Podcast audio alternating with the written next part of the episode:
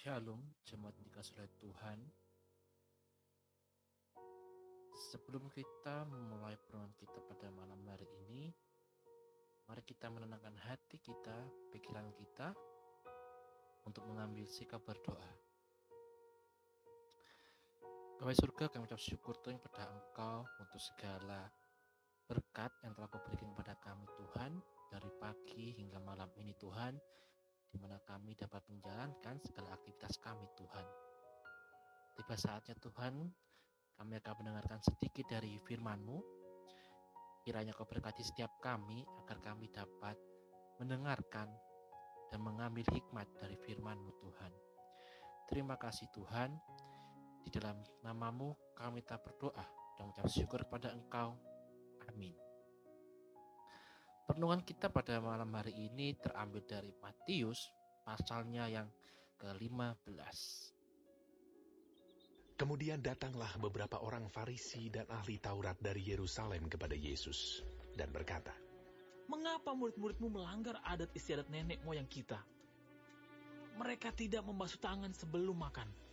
Tetapi jawab Yesus kepada mereka, Mengapa kamu pun melanggar perintah Allah demi adat istiadat nenek moyangmu? Sebab Allah berfirman, hormatilah ayahmu dan ibumu. Dan lagi, siapa yang mengutuki ayahnya atau ibunya pasti dihukum mati.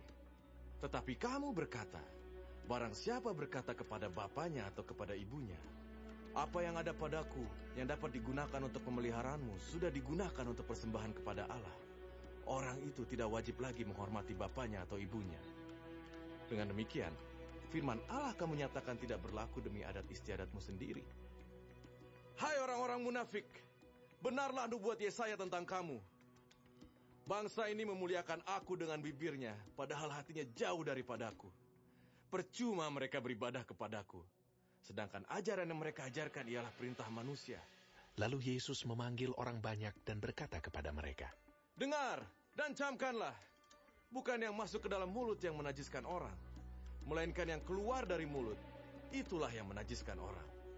Maka datanglah murid-muridnya dan bertanya kepadanya. Engkau tahu bahwa perkataanmu itu telah menjadi batu sandungan bagi orang-orang Farisi. Jawab Yesus, Setiap tanaman yang tidak ditanam oleh Bapakku yang di sorga akan dicabut dengan akar-akarnya. Biarkanlah mereka itu. Mereka orang buta yang menuntun orang buta. Jika orang buta menuntun orang buta, pasti keduanya jatuh ke dalam lubang. Lalu Petrus berkata kepadanya, Jelaskanlah perumpamaan itu kepada kami. Jawab Yesus, Kamu pun masih belum dapat memahaminya. Tidak tahukah kamu bahwa segala sesuatu yang masuk ke dalam mulut turun ke dalam perut lalu dibuang di jamban? Tetapi apa yang keluar dari mulut berasal dari hati, dan itulah yang menajiskan orang. Karena dari hati timbul segala pikiran jahat, pembunuhan, perzinahan, percabulan, pencurian, sumpah palsu dan hujat. Itulah yang menajiskan orang.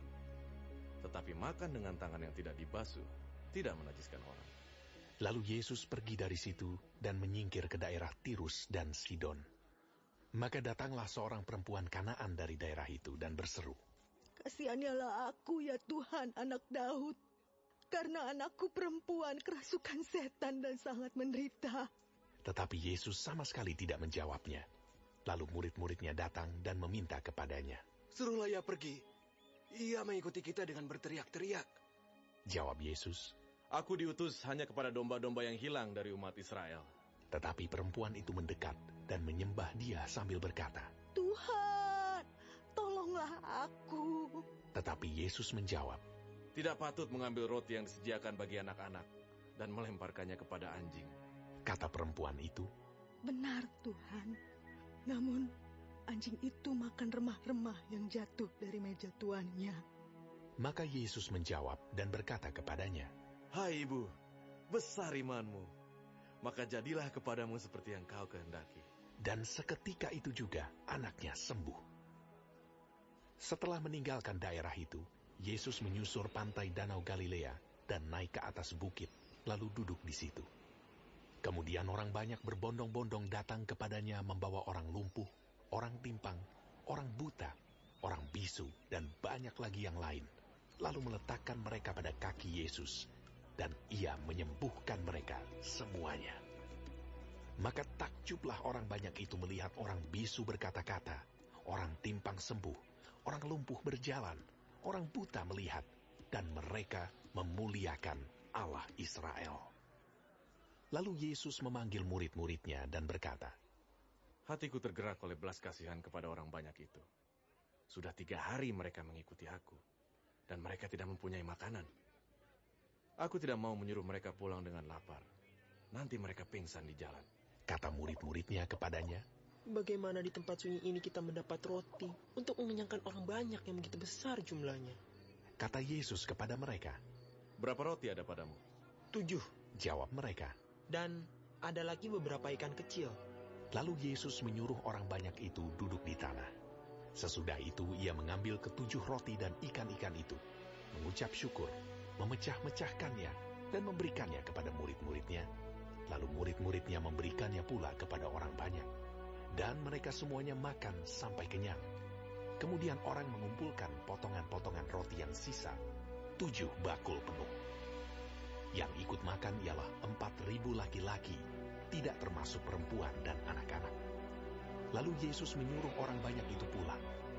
Ia naik perahu dan bertolak ke daerah Magadan.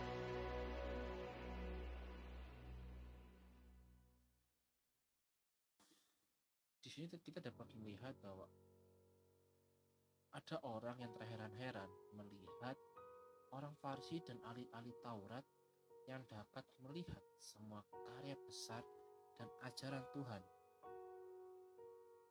yang di mana terpaku pada hal sepele seperti fakta bahwa murid-murid Yesus tidak mencuci tangan mereka sesuai dengan peraturan adat.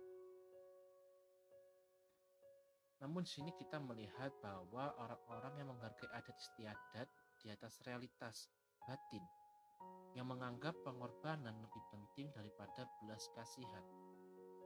Yesus menggambarkan kedua golongan tersebut dengan kutipannya dari Yesaya 29 ayat 13 yang berbunyi Bangsa ini mendekat kepadaku dengan mulutnya dan memuliakan aku dengan bibirnya namun hatinya jauh dariku. Yesus mengenali hati yang bersih atas tangan yang bersih. Ia menegur mereka karena adat istiadat, korban yang mereka gunakan untuk mempersembahkan pemberian pada Tuhan dan karena itu tidak memberikannya kepada mereka yang membutuhkan. Mengulurkan pemberian kepada Tuhan ada hal yang baik. Namun, hal itu telah berubah menjadi alasan yang cerdik untuk tidak membantu orang yang membutuhkan. Dalih untuk menghindari dari tanggung jawab. Yang penting bukanlah apa yang masuk ke dalam diri seseorang, melainkan apa yang keluar dari dirinya. Baik itu dari pikiran dan tindakannya. Yang menyingkapkan isi hatinya, itulah yang menajiskannya. Dari kelimpahan hati, mulut berbicara. Oleh karena itu, jagalah hatimu dengan segala kewaspadaan, karena dari situlah terpancar kehidupan. Pengajaran seperti itu menyinggung perasaan orang Farisi. Namun Yesus berkata, biarkan saja mereka. Mereka menjadi pemimpin orang buta. Dan jika orang buta menuntun orang buta, keduanya akan jatuh ke dalam lubang. Ini mengingatkan kita pada pernyataan perjanjian lama. Efraim bersatu dengan berhala. Biarkan dia. Tuhan kita tidak berusaha menyelamatkan orang-orang Farisi ini. Dia menganggap sebagai orang yang sangat menentang dia. Mereka telah melakukan dosa terhadap Roh Kudus. Tertib umum orang Yahudi pada zaman Yesus adalah upacara pencucian tangan. Mereka percaya bahwa siapa pun yang bersentuhan dengan orang atau benda najis harus menuangkan air ke tangan untuk membersihkan diri. Ini bukanlah perintah hukum Musa, tetapi merupakan tradisi orang Farisi. Yesus mempunyai pendapat bahwa tradisi-tradisi seperti itu tidak hanya menyebabkan orang salah memahami hukum, tapi juga menghentikan mereka untuk melakukan hal-hal yang lebih penting yang diwajibkan oleh hukum. Untuk mendukung pernyataan tersebut, Yesus memberikan sebuah contoh. Hukum Musa mengajarkan manusia untuk menghormati dan merawat orang tua. Namun orang-orang Yahudi telah menambahkan tradisi yang memungkinkan mereka mengabaikan orang tua mereka. Mereka dapat bersumpah bahwa jika mereka meninggal, uang dan harta benda mereka akan diberikan pada kuil. Setelah menjanjikan hal-hal tersebut kepada Tuhan, mereka berkata bahwa mereka tidak bebas untuk memberikannya kepada orang lain, seperti orang tua yang membutuhkan. Namun mereka sendiri terus menikmati harta benda selama mereka hidup. Tradisi mereka bertentangan dengan ajaran hukum yang jelas. Orang Yahudi tidak mau makan tertentu karena percaya bahwa makanan tersebut membuat mereka najis. Yesus bersabda bahwa mereka makan dengan tangan yang tidak dicuci tidak membuat seseorang menjadi najis. Demikian pula makanan makanan yang dilarang. Orang-orang yang benar tidak diterima oleh Allah adalah mereka yang mengajarkan tradisi-tradisi seperti itu. Yang membuat seseorang najis adalah keburukan yang keluar dari mulutnya, bukan makanan yang masuk ke dalamnya. Sumber segala kejahatan adalah hati yang jahat. Inilah yang harus disucikan agar seseorang dapat diterima di depan Tuhan. Tradisi penyucian orang Farisi menghalangi mereka untuk melihat hal ini. Meskipun itulah tujuan hukuman penyucian Musa. Kemudian Yesus pergi dari tempat itu dan ia menuju daerah yang bernama Tirus dan Sidon. Kita melihat di sana pada waktu perjalanan ada seorang wanita yang berseru kepadanya, "Kasihanilah aku, ya Tuhan, anak Daud." Melihat kata "kasihanilah", ini merupakan kata merasa simpati terhadap penderitaan orang lain, terutama simpati yang terwujud dalam tindakan lebih jarang dalam kata-kata, menggambarkan pengertian umum seorang yang mempunyai kasih sayang atau rasa sayang terhadap orang yang membutuhkan. Ini menunjukkan rasa kasihan dan kasih sayang akan tragedi termasuk ketakutan. Kemudian wanita ini berkata anak Daud. Ini merupakan sebutan penting dalam Matius.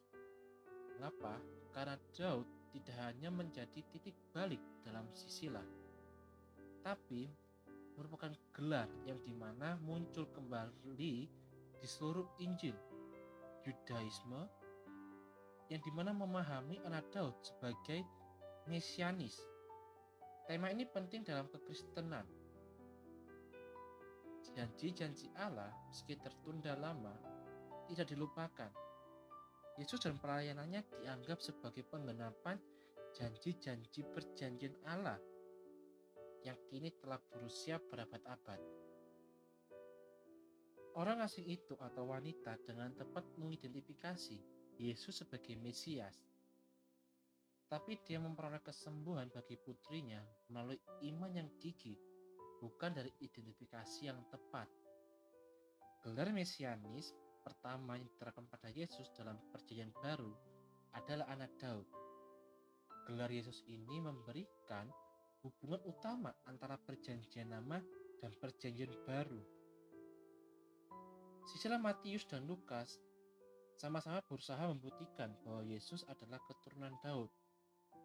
Hal ini memungkinkan orang-orang percaya mula-mula untuk mengklaim janji perjanjian lama bahwa akan ada pewaris tata Daud. Ibu itu juga berkata, putriku kerasukan setan dengan kejam. Bukan hanya kerasukan setan yang sudah cukup buruk, tetapi dengan kejam. Artinya adalah putri ini dalam kondisi parah, buruk, merugikan. Meskipun dia tidak merinci bagaimana setan itu merugikan putrinya. Kemudian ada perasaan yang menarik yaitu, namun dia menjawab dan berkata, Aku diutus hanya kepada domba yang hilang dari kaum Israel. Aku diutus ini menunjuk pada dia diutus oleh Bapa. Yesus dalam hal ini berbicara tentang dirinya sebagai bawaan Bapa sehubungan dengan kedudukan dan pekerjaan resminya sebagai manusia dan Allah. Hal ini tidak bertentangan dengan gagasan bahwa dia sebagai putra kekal. Dia adalah Tuhan dan setara dengan Bapa. Artinya apa? Tuhan pasti menyembuhkan orang non-Yahudi, orang yang sakit ketika dibawa kepadanya di tanah Israel. Tetapi sekarang dia telah pergi ke negara non-Yahudi dan harus menghindari melakukan pelayanan umum di sana. Pelayanannya di Israel membuka jalan bagi berkat bagi bangsa-bangsa bukan Yahudi. Kita juga dapat melihat di mana wanita ini menyerahkan dirinya kepada Tuhan dan berpegang teguh padanya untuk pengharapan. Meskipun sikap murid-muridnya tidak dapat ditoleransi. Tidak hanya itu saja, sikap muridnya pun tampak acuh tak acuh ketika sikapnya dipontoskan dengan beberapa generasi selanjutnya yang menjadi tersinggung, sombong, dan muak dengan kecurigaan sekecil apa pun mengenai ketidakpedulian para pelayan Tuhan. Maka sangat jelas bahwa banyak pencari Tuhan yang tidak memiliki iman untuk diselamatkan atau begitu penuh dengan egoisme dan kesombongan sehingga tidak akan pernah memberikan manfaat apa pun bagi mereka. Kemudian Yesus memberi makan 4.000 orang. Orang yang cukup banyak saat itu. Dari sini kita dapat melihat bahwa begitu baiknya Kristus kepada mereka di mana ia mau menerima semua jenis orang. Baik itu orang miskin maupun orang kaya disambut olehnya dan padanya ada banyak ruang yang tersedia bagi semua orang yang datang. Ia tidak pernah mengeluh dengan kerumunan orang atau desakan gerombolan mereka yang mencari-cari dia. Tidak ada tetapan hina darinya terhadap seorang orang kasar itu. Gerombolan orang seperti itu yang biasanya disebut-sebut. Sebab bagi dia, jiwa-jiwa para petani sama berharganya dengan jiwa-jiwa para penguasa. Nah, Bapak Ibu yang dikasihi Tuhan, dari pertemuan malam ini kita belajar banyak hal. Di mana kita janganlah seperti orang Yahudi, di mana kita hanya berfokus pada satu hal. Namun, satu hal itu merugikan banyak hal. Biarlah kita belajar untuk lebih memilih mana yang baik mana yang buruk. Begitupun juga dengan wanita Kanaan. Dia tahu kepada siapa dia harus menyerahkan segala kesulitan, segala penderitaannya. Juga dengan kita. Ketika kita ada masalah, ketika kita sedang dalam kesulitan, marilah kita datang kepadanya dialah yang dapat menolong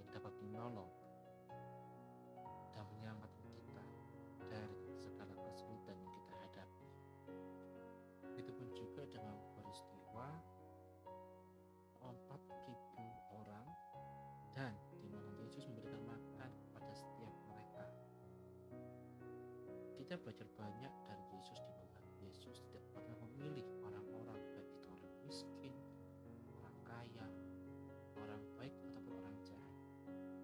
Dia menerima setiap mereka, setiap siapa pun yang mau datang kepadanya. Bila kita memiliki hati seperti Kristus, yang di mana mau menerima siapa pun tanpa melihat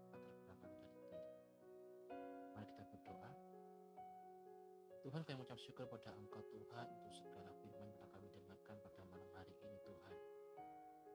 Kiranya dari firman-Mu ini kami dapat belajar bahwa kami bukan seperti orang Yahudi Tuhan di mana kami hanya cuma ada satu hal, tapi tidak di sekitar kami Tuhan. Begitupun juga kami dapat belajar dari anak-anak Tuhan di bawah kami. Tahu pada siapa